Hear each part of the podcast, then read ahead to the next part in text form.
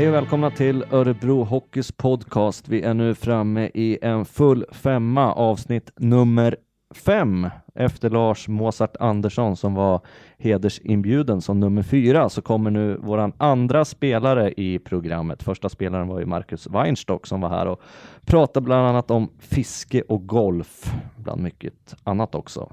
Eh, ni är varmt välkomna till podden. Jätteroligt att ni har varit med i så många avsnitt som det har varit hittills och vi märker ju att vi växer och blir delade ännu mera i sociala medier så att vi hoppas att ni vill hänga med nu under vår och sommar fram tills säsongen kickar igång igen på allvar sen. Idag har vi med en andra spelare och ni har redan läst vem det är. Välkommen Joel Mustonen. Tack så mycket. Eller ska vi säga really welcome to this pod. ja, vi kan väl köra svenska här också kanske. Vi kör på svenska. Du, det blev en, eh, vad ska man säga, en språkförväxling i en intervjusituation i Seymour som fick lite uppmärksamhet när du blev intervjuad på engelska. Ja, precis. Väl, man kan väl tycka att de ska ha bättre koll än så när man har spelat en hel säsong och gjort en 10-15 Simon intervjuer men det var lite roligt. Det var inte Arto Blomsten som satt bredvid i alla fall som, som intervjuade dig. Han satt ju faktiskt också där uppe i studion. Ja, nej, han kanske skulle kunna sagt något på engelska, men det var, det var lite överraskande att det kom från de så kallade intervjuexperterna. Mm. Hur är det med finskan annars? Är den klockren eller? Jo men det är den. Jag har lite litet ordförråd men jag har pratat finska hemma hela min uppväxt. Båda föräldrarna är helt finska så att eh, liksom uttalet är perfekt och så. Jag pratar mycket med finnarna i laget men det är väl just ordförrådet som är lite litet kanske när man inte har bott där eh, liksom eh, mer än något, något år det funkar att skälla på finska i alla fall. Alla de där fula orden brukar man lära sig tidigt. Ja, de är härliga. de är härliga. Ja. Varmt välkommen och jättekul att du är här. Ja, tack. Vi gör som vi har gjort i de andra avsnitten. Vi inleder med en faktaruta på Joel Mustonen. Ålder? 23 år gammal. Familj? Flickvän Elin heter hon. Klubbar? Har spelat i, får jag tänka efter lite, Skellefteå AIK. Eh, fostrad i Skellefteå AIK, som jag spelade i några enstaka matcher i Timrå, en kort utlåning till Västerås, eh, Pelicans i, i, Finland. Det är väl de. Äter helst? Ja, en enkel fråga som ändå känns svår. Eh, ja, men vi säger tacos. det är klassiker. Ett tag när jag jobbade på tidning och man gjorde faktarutor, då mm. var det tacos på alla barn. Alla barn åt tacos, alla vuxna de åt så black and white med potatisgratäng och gärna ett glas öl till. tacos funkar alltid. Mm. Vad dricker du då? Vatten. Hobby? Golf. Läser? Kepler. Kepler. Mm. Mm. Mm. Eh, Jona Lima, eller vad heter han? Nej, jag har, eh, Jorna Linna heter han. Så heter han, ja, ja du ser. Du kan, de är ruskiga men bra. Ja. Eh, musik? Oh, Tallest Man on Earth tycker jag är duktig. Blir arg av? Eh, tänkte säga min flickvän, men jag är rädd att hon skulle lyssna på det. Men, äh, jag vet inte vad jag ska säga. Jag, jag, tycker jag är duktig på att hålla mig lugn. Ja. Vad blir du glad av då? Då kan jag väl svara min flickvän. Sommarplaner. Nu är det ju inte riktigt sommar här än, även fast när vi spelar in det här avsnittet idag så är det ett riktigt härligt vårväder. Vad planerar du att hitta på när du är lite ledig i sommar? Uh, ska försöka träna hårt som alltid, men annars blir det väl mycket det blir mycket golf med, med killarna i gänget här. Jag tänkte nu när min flickvän har flyttat ner hit eh, eh, söderut så kommer jag nog vara här i Örebro större delen av sommaren. Så att det blir väl spela mycket golf på, på Lanna. Mm. Vi ska säga det för de som inte har hängt med här och är bevandrade i Örebro som idrottsstad. Ni är ju ett, eh, ett sportpar får man väl ändå lov att säga med din flickvän då ja, Elin Johansson som spelar i KIF Örebro. Ja, nej men hon, eh, hon har spelat i Piteå de senaste två åren och skrivit på här i KIF Örebro nu för ett år till att börja med så att eh, det är kul att vi får bo ihop nu lite grann. Vi har haft mycket distans. Eh, vi har varit ihop i en fem, sex år och knappt fått bo ihop alls så att det är skönt och, och att vi har kunnat lösa det så här.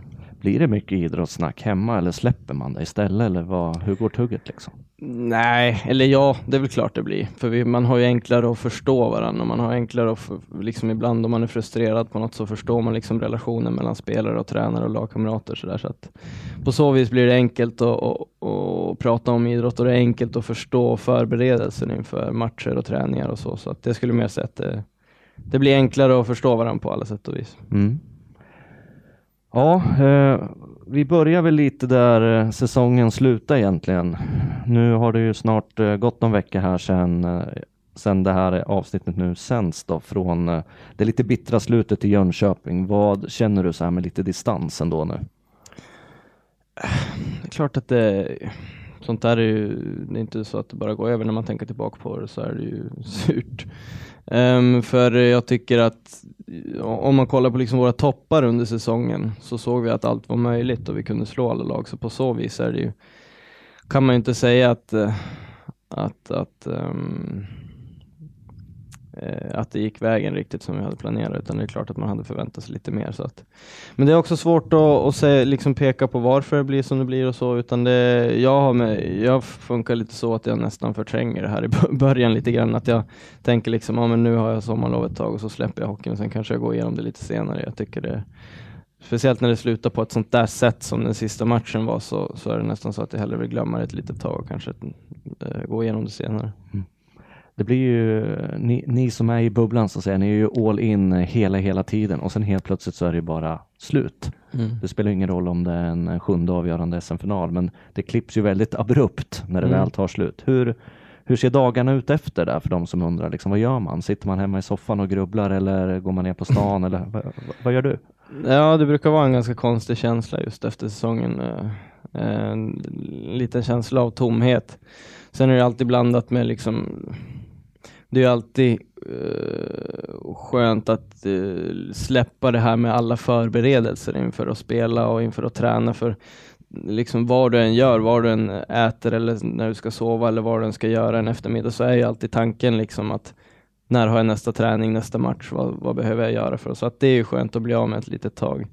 Uh, men det blir ganska fort långtråkigt, utan det är väl en vecka eller två som det kan vara skönt att ta det lugnt och sen vill man ju egentligen igång igen och sen är det ganska fort innan man börjar längta efter issäsongen. Så att det är väl en, det, det är som sagt det skönt i början men sen så, så går det rätt fort innan man längtar tillbaka. Hinner man bli revanschsugen redan nu inför nästa säsong? Tänker man att nej fan nu jävlar vill vi att vi drar igång igen? Ja, självklart. Eh, det, det är speciellt efter just det sa efter ett sånt avslut som vi nu fick och med den potentialen jag ändå tycker att vi har i den gruppen. Eh, och, och, och vi, många av de, de liksom duktiga killarna i laget stannar kvar till nästa år. Och, och vi kommer att ha en bra chans på att göra en bra säsong nästa år. Så att det, det är klart att man känner liksom ett sug och, och, och göra bättre ifrån sig. Hur känner du då på det personliga planet? Man måste ändå, om man summerar dina seniorsäsonger, så måste det vara någon form av genombrottsår för dig. Uh, om man ser till poängmässigt och du var stekhet ett tag där med fem mål, fem matcher i rad och sen blev det ett uppehåll, en match och sen gjorde du mål igen. Mm. Um, ja, vad ska jag säga, lite upp och ner min säsong. Jag tycker jag började bra. Um, sen hade jag en svacka där eh, någonstans mitt på säsongen. Sen som du säger så kom jag tillbaka eh, starkt mot slutet. Jag tycker jag liksom var i god form och spelade bra senaste, eh, eller sista, eh, ja men nästan 20 matcherna, men, men sen så lossnade det väl rejält liksom sista, jag vet inte, ska man säga 10 matcherna, 6, 7, 8, 10 matcherna. Så att lite upp och ner om man säger just det här med genombrott. Det är väl svårt att, vad man ska kalla Kan man bara ha en genombrottssäsong så vet jag inte om den har kommit igen. Liksom så tänker jag att jag, jag, som jag ser det har jag så mycket i mig och, och, just med tanke på min skadehistorik så tror jag att, eh, att, min, eh, att jag har väldigt mycket i mig fortfarande. Liksom, att det kommer komma fram inom de kommande två, tre, fyra åren. Eh, kommer jag nog ta stora kliv. Det är vad jag hoppas på och, och, och tror på. Så att, men eh, jag känner att jag har i alla fall fått visa upp mig på den här nivån och visat att jag håller och att jag liksom blir att räkna med och att jag känner att jag har etablerat mig i den här serien. Och det känns eh, väldigt motiverande. Just när man går in i en sommarträning så känns det väldigt motiverande att liksom veta ungefär vad man har sig själv och vem man har liksom mäta sig mot andra. Och jag gillar den där tävlingen och jag gillar att vad ska man säga, gå om folk i utvecklingen. Jag har alltid gått igång på en sån grej och jämföra mig med andra och, och, och försöka överbevisa dem eller, eller bevisa att jag, jag, är, eh, jag går igång på de utmaningarna. Mm. Vart ser du dig själv att du är i karriären om två eller fyra år om du sätter dig någonstans? Liksom, vad har du nått om du får vara hel och du fortsätter i den här takten framåt? Ja, det är svårt, svårt att säga. Jag, jag brukar undvika att liksom sätta upp mål så för att då, då känner jag att man kan eh, på något sätt bli frustrerad om man känner att saker inte går som de ska. Men jag, jag tror att jag absolut har potential att, att vara en landslagsspelare och och i ett ännu längre lopp, kanske om vi säger fem sex år fram, tror jag absolut att jag kan spela VM-turneringar för Finland. Det, det, är mitt mål och det tror jag att jag kan uppnå om jag får vara skadefri. Så att, eh, och det gäller ju att, att liksom tro på sig själv och det gör jag absolut och det, det tycker inte jag är en orimlig målsättning. Och det är Finland som gäller? Trots ja. den perfekta svenska. ja, det är, ju, det är ju det, för jag är ju ändå, uh, rent i passet är jag ju helfinsk så att uh, det, det, finns ingen väg och ingen annan väg att lösa det på. För de som inte känner dig eller känner din, ditt släktträd, du har ju en hel del att brås på också med pappa Pasi Mustonen som gammal stortränare. Hur eh, har det varit att växa upp med en pappa som har varit så involverad i ishockeyn? Um, jättekul. Det har liksom, för mig har det aldrig funnits något snack om att det är hockey jag ska hålla på med. Det var ju så naturligt. Han har ju tränat ända sedan innan jag föddes så han tränar fortfarande. Han hade någon paus på något år där men det, men det har alltid handlat om hockey för hans del också. Så att, eh, han har ju lärt mig jättemycket såklart och det är ju eh, framförallt har han väl liksom ingjutit ett, ett självförtroende som inte riktigt eh, liksom går att... jag, jag, tror alltid på mig själv och och tycker att jag kan vara ärlig med mig själv om jag har, har varit dålig eller så. Och kan, um, ehm, jag vet inte vad jag ska säga, han, uh, han har liksom det, det, skulle jag säga är det, det, viktigaste med det, att när man, jag har honom alltid bolla med så att jag liksom har en ganska bra koll på vad jag, vad jag ligger i och vad jag gör och vad jag behöver göra bättre och sådär. Så att um, han har absolut hjälpt mig mycket. Har det varit någon belastning också? Jag vet när man pratar med vissa spelare i olika idrotter som har föräldrar som har hållit på, att man har blivit jämförd hela tiden, att det har varit ett extra fokus på mm. det bara för att du är du och har den föräldern som du har. Nej, det tror jag inte. Just det att han inte har varit någon stor spelare utan han var inte märkvärdig så som spelare så att eh, det har inte blivit några jämförelser så. så att, eh, nej, det tror jag inte. Sen har han ju aldrig tränat på eh, liksom någon jätte, alltså han har inte varit direkt någon stor tränare på i, i elitserien heller så att jag tycker inte att det har varit något, alls något snack så utan det har bara varit en positiv grej för mig för att han, är, han har aldrig satt någon press på mig så heller utan det har bara varit en hjälp för mig. Vi ska säga att han har varit aktiv bland annat i Kiruna, Tingsryd, Skellefteå och Asplöven i Sverige mm. och haft hand om damlejonen va? Ja, fortfarande. Han uh, har nyss förlängt så att han kommer troligtvis få coacha dem i nästa vinter-OS, så det är kul för honom. Följer han dig? Är det lätt att göra det när säsongerna går i varandra, eller hur, hur funkar det?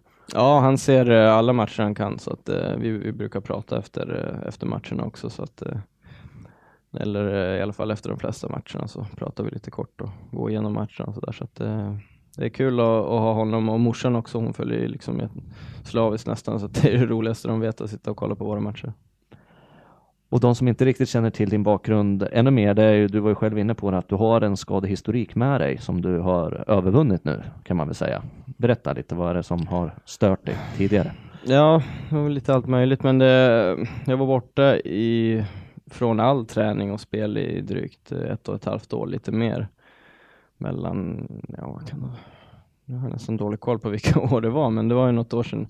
Nu har jag spelat eh, två och en halv säsong va, sedan jag kom tillbaka. Så att, men det var eh, bakterieinfektioner, mykoplasma och eh, tvar som då gjorde, eh, jag drogs väl med dem i säkert en tre, fyra år innan vi ens hittade de här infektionerna.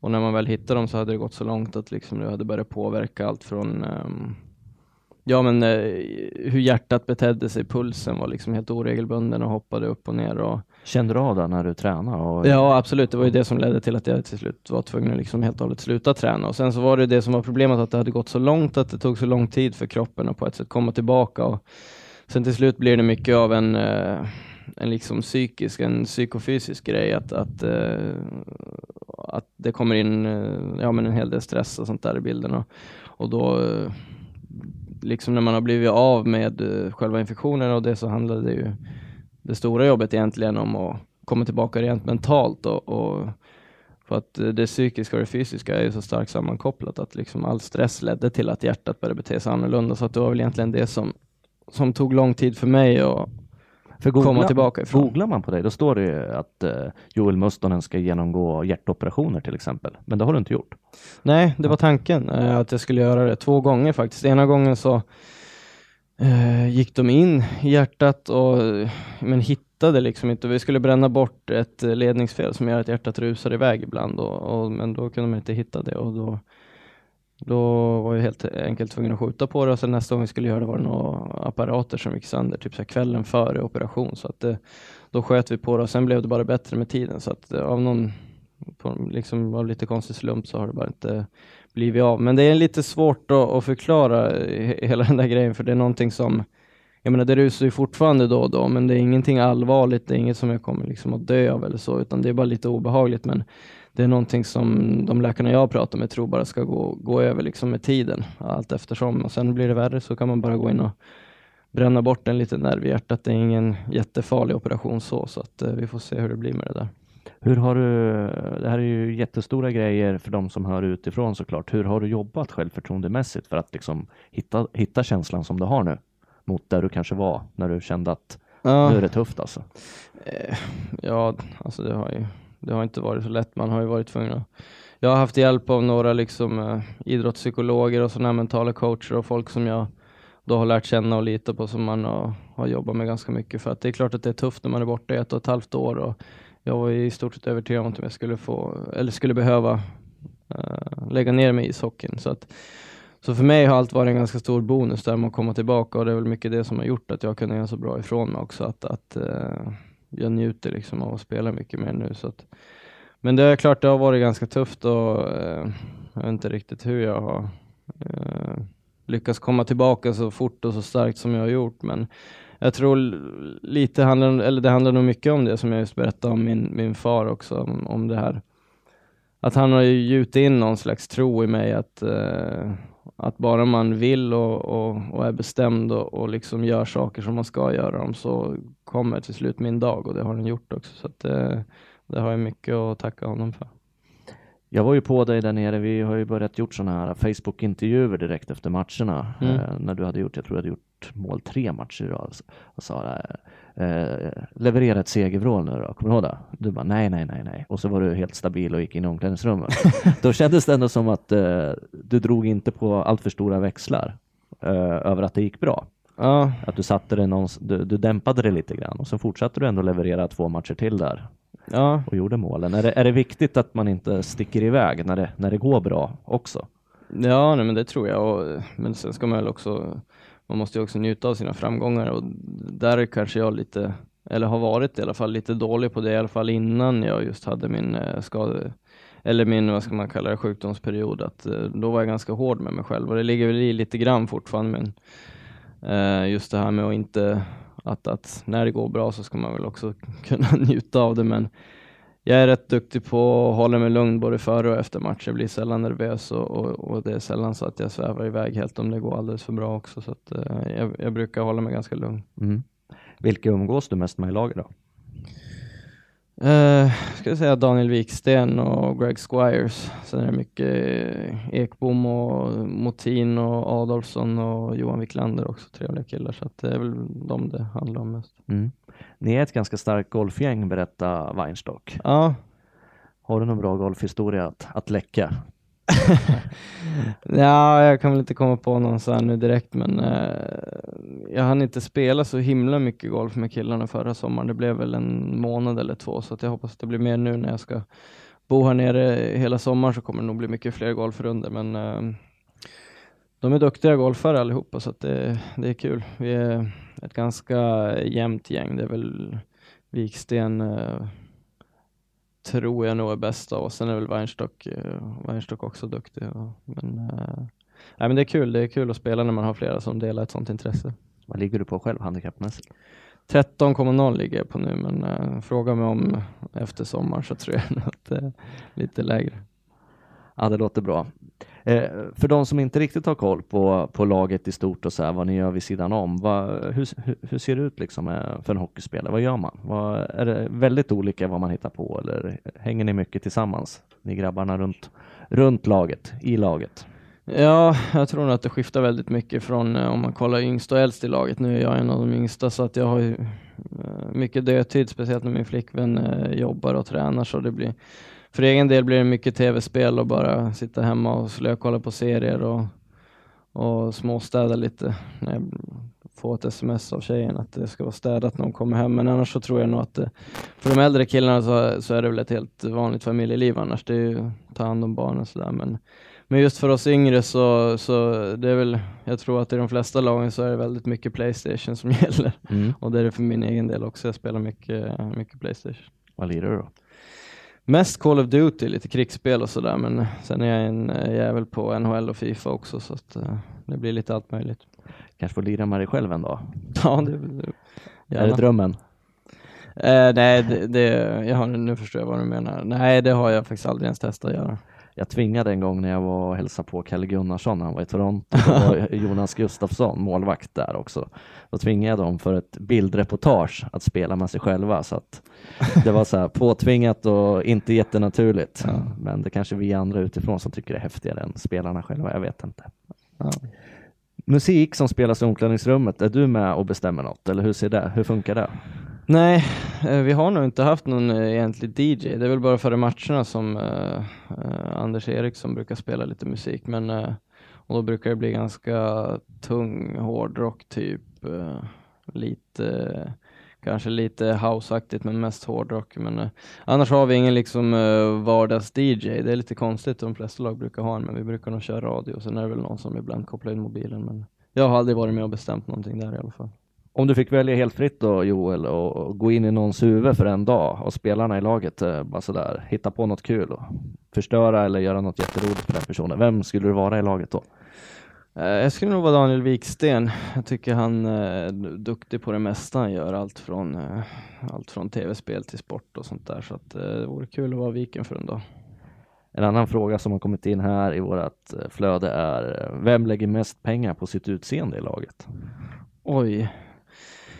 Eh, undrar om det inte ändå är Johan Adolfsson. Han ser ut som en, eh, som en modell och han klär sig så, så har han ju den där frisyren som man han har väl säkert en eh, 30 000 i månaden bara på hårvårdsprodukter så att eh, det, är nog, det är nog Doffe. Se om vi kan fånga in Adolfsson här sen så han får prata lite mode med oss. Han är ju ett grymt Bachelor-tema. Ja, verkligen. Du, i övrigt här då, eh, närmsta tiden. KIF Örebro drar igång sin säsong om jag minns rätt någon gång i mitten på april. Jag tror de har Umeå hemma i första matchen. Kommer du sitta på Bern Arena och kolla på, på damallsvenskan?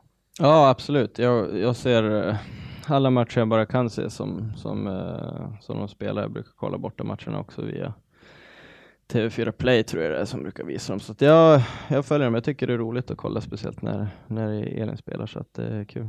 Vågar man gissa på någon placering i år? Det har ju varit ganska många spelare ut och, och stor omsättning i KIF Örebro efter fjolårets eh, PSG-matcher och Mm. Champions League-spel. Hur går snacket? Ja, Det tror jag nog att eh, det är nog svårt att, att svara på just i och med att de har bytt ut en del spelare och sen har jag ju i alla fall för mig och Elin är ju ny i laget och jag har ju knappt sett dem spela så att kan inte jag svara på men jag hoppas att de gör bra ifrån sig. Mm. Har du hållit på med andra idrotter än hockey? Eh, inte seriöst, jag spelade lite innebandy när jag var yngre och fotboll såklart men eh, fotboll var väl det som var liksom tyckte jag var jobbigt att lägga av med. Jag tycker jag var duktig i fotboll och, och jag tyckte det var jättekul så att det var tråkigt men det var liksom ett, ett måste ändå att lägga av med det till slut. Spelade du tills du var tvungen att välja? Var du uppe i den åldern? Ja, det gjorde jag, men vi var tvungna att välja rätt tidigt i Skellefteå AIK, kommer jag ihåg. Sen fick vi ha ett, liksom, ett lag på sommaren då vi gjorde ett lag av våran, eh, alltså av hockeylaget, så fick vi spela någon, liksom eh, möta andra lag, men vi, vi var, blev tvungna att, att eh, välja ganska tidigt och det var tråkigt, för man hade gärna fortsatt i många år. Jag tror också det hade gynnat en som hockeyspelare och idrottare att få den liksom mångsidiga träningen på somrarna. Och få, för det är ändå en bollsport det också, så att, jag tyckte det var tråkigt att man var tvungen att lägga av så tidigt. Det är så pass mycket idag som tydligt fokus, inte som på Tumbas tid när man kunde spela två eller tre sporter och vara landslagsmässig samtidigt i bandy, fotboll, hockey. Ja, det var häftigt. Vad lirar du för position då som fotbollsspelare? Eh, mittfältare och mittback faktiskt. Jag var mycket mittback, men eh, jag tror nog att jag hade varit mittfältare om jag hade fortsatt. Mm. Vi ska ta och avsluta den här podden nu. Vi har pratat med Joel Mustonen här ett tag och vi kollar lite framåt då. Det är ju precis tagit slut den här säsongen, men Eh, vilka känslor har du inför nästa säsong? Vad behöver vi snäppa upp för att ta det där steget och kanske kunna etablera oss lite högre upp? Um, det handlar väl mer om, eh, mycket om en jämnhet i spelet och inte få de här dipparna som vi har fått och att vi liksom rasar ihop totalt ibland. Och, um, ja, men hitta en jämnhet i spelet och, och för om man kollar på våran högsta nivå så är den väldigt hög. Om vi då kan liksom hitta en, eh, en nivå lite under den som vi oftast ligger på, sen får vi de här topparna ibland, så tror jag det kan bli fantastiskt bra. Det som sänker oss nu i år är ju egentligen de här eh, dipparna vi får. Så att, eh, sen hur man, hit, hur man löser det, det får vi liksom lösa på något vis inom gruppen. Det, det är jättesvårt att svara på, det handlar om så många olika saker, men det tror jag är en stor grej, att inte få de här stora dipparna som vi får. Mm. Hur tänkte du förresten när du gick till Örebro? Då? För här vi har ju pratat om att uh, se till en treårsplan, etablera oss i SHL mm. och ta steg liksom. Och nu, det har vi gjort ju. Utifrån tycker många fortfarande att ah, det blev en sån smäll där på slutet så att det gör fortfarande ont och det är ju sant, det gör ju mm. ont. Men uh, vi kommer topp åtta, vi når slutspel, vi etablerar oss i alla fall. Hur tänkte du när du, när du valde Örebro som klubbadress? Vilken syn hade du på Örebro? Um, jag såg, jag förhandlade med Örebro under slutspelet och såg alla matcher mot Växjö i den här kvartsfinalserien och blev ganska imponerad. Men eh, Eh, sen, eh, ja men det, det som lockade mig mycket var väl att det är en klubb som är liksom starkt på väg framåt och har gjort en ganska imponerande resa. Eh, och just intresset som jag visste finns här i stan och, och liksom den stämningen som finns på matcher och sånt, det lockar ju självklart jättemycket. Och sen är det ju sånt att liksom Eh, om, I min eh, ålder så behöver jag eh, en klubb som tror på mig och jag visste att jag skulle få förtroende här. Det lät väldigt bra liksom i förhandlingarna med Pontus och sådär.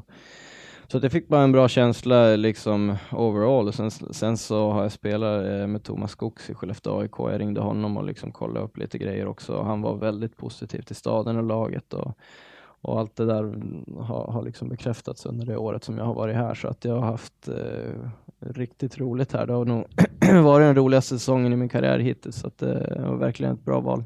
Thomas Skogs var ju kanske den första etablerade spelaren som, som kom hit då från, som du säger, Skellefteå AIK och mm. banade väg för flera faktiskt. Eh, slutligen, eh, podden, eh, när det här spelas in så har Henrik Lövdahl eh, precis berättat att han lägger skridskorna på hyllan. Hur har snacket i omklädningsrummet gått att eh, Lövet hoppar av så att säga? Denna klubbikon som man på många sätt är. Um, ja, vad ska jag säga, det har väl varit mycket hyllningar, speciellt i sociala medier och allt det och det är väl högst välförtjänt. Det är ju en riktig legend i, i klubben och det är väl inte, man ser ju knappt sådana där i Hockey-Sverige längre som liksom spelar i en, eh, en klubb sådär hela karriären och, och framförallt att han får liksom, jag tycker det är på något sätt jävligt häftigt den resa som han och klubben har gjort liksom och, och spela på alla olika nivåer och gått från att spela i, i någon sunkig hall här för flera år sedan till det som den det som liksom eh, är kring våra matcher nu idag så att jag tror att eh, när det lägger sig lite för honom, det var nog ingen rolig avslutning för honom så där så tror jag nog att han, han kan vara väldigt stolt och glad och, och tycka att det är häftigt den resan han har gjort. Mm. Nu när podden har gjort sitt femte avsnitt och vi strax är klara, känner du att det är någon särskild person från laget eller klubben som du gärna skulle vilja lyssna på i ett poddavsnitt här framöver? Någon som skulle kunna göra det bra? Uh, Greg Squires pratar mycket och han är en rolig kille så att jag tycker vi ska få in lite engelska här så att uh, det är mitt tips. Greg kommer, Greg kommer, men jag tror att det dröjer lite grann. Han ja. får åka hem till Manhattan och, och vila, vila ja, lite. På, spara på rösten tills sommarträningen drar igång här och han kommer tillbaka. Han har ju haft en hel del webb-tv-idéer som vi ska försöka utnyttja också. Bland annat kommer han att fråga, ah, har du sett det här gamla MTV Cribs? det måste vi göra. Öppna kylen och se vad Hudacek dricker för någonting. Ja, det är en rolig idé faktiskt. Den, kom, jätteroligt. den sjösätter vi. Stort tack Joel för att du tog dig tid att komma. Tack så mycket. Sköt om dig och ha en trevlig vår. Det ska jag göra.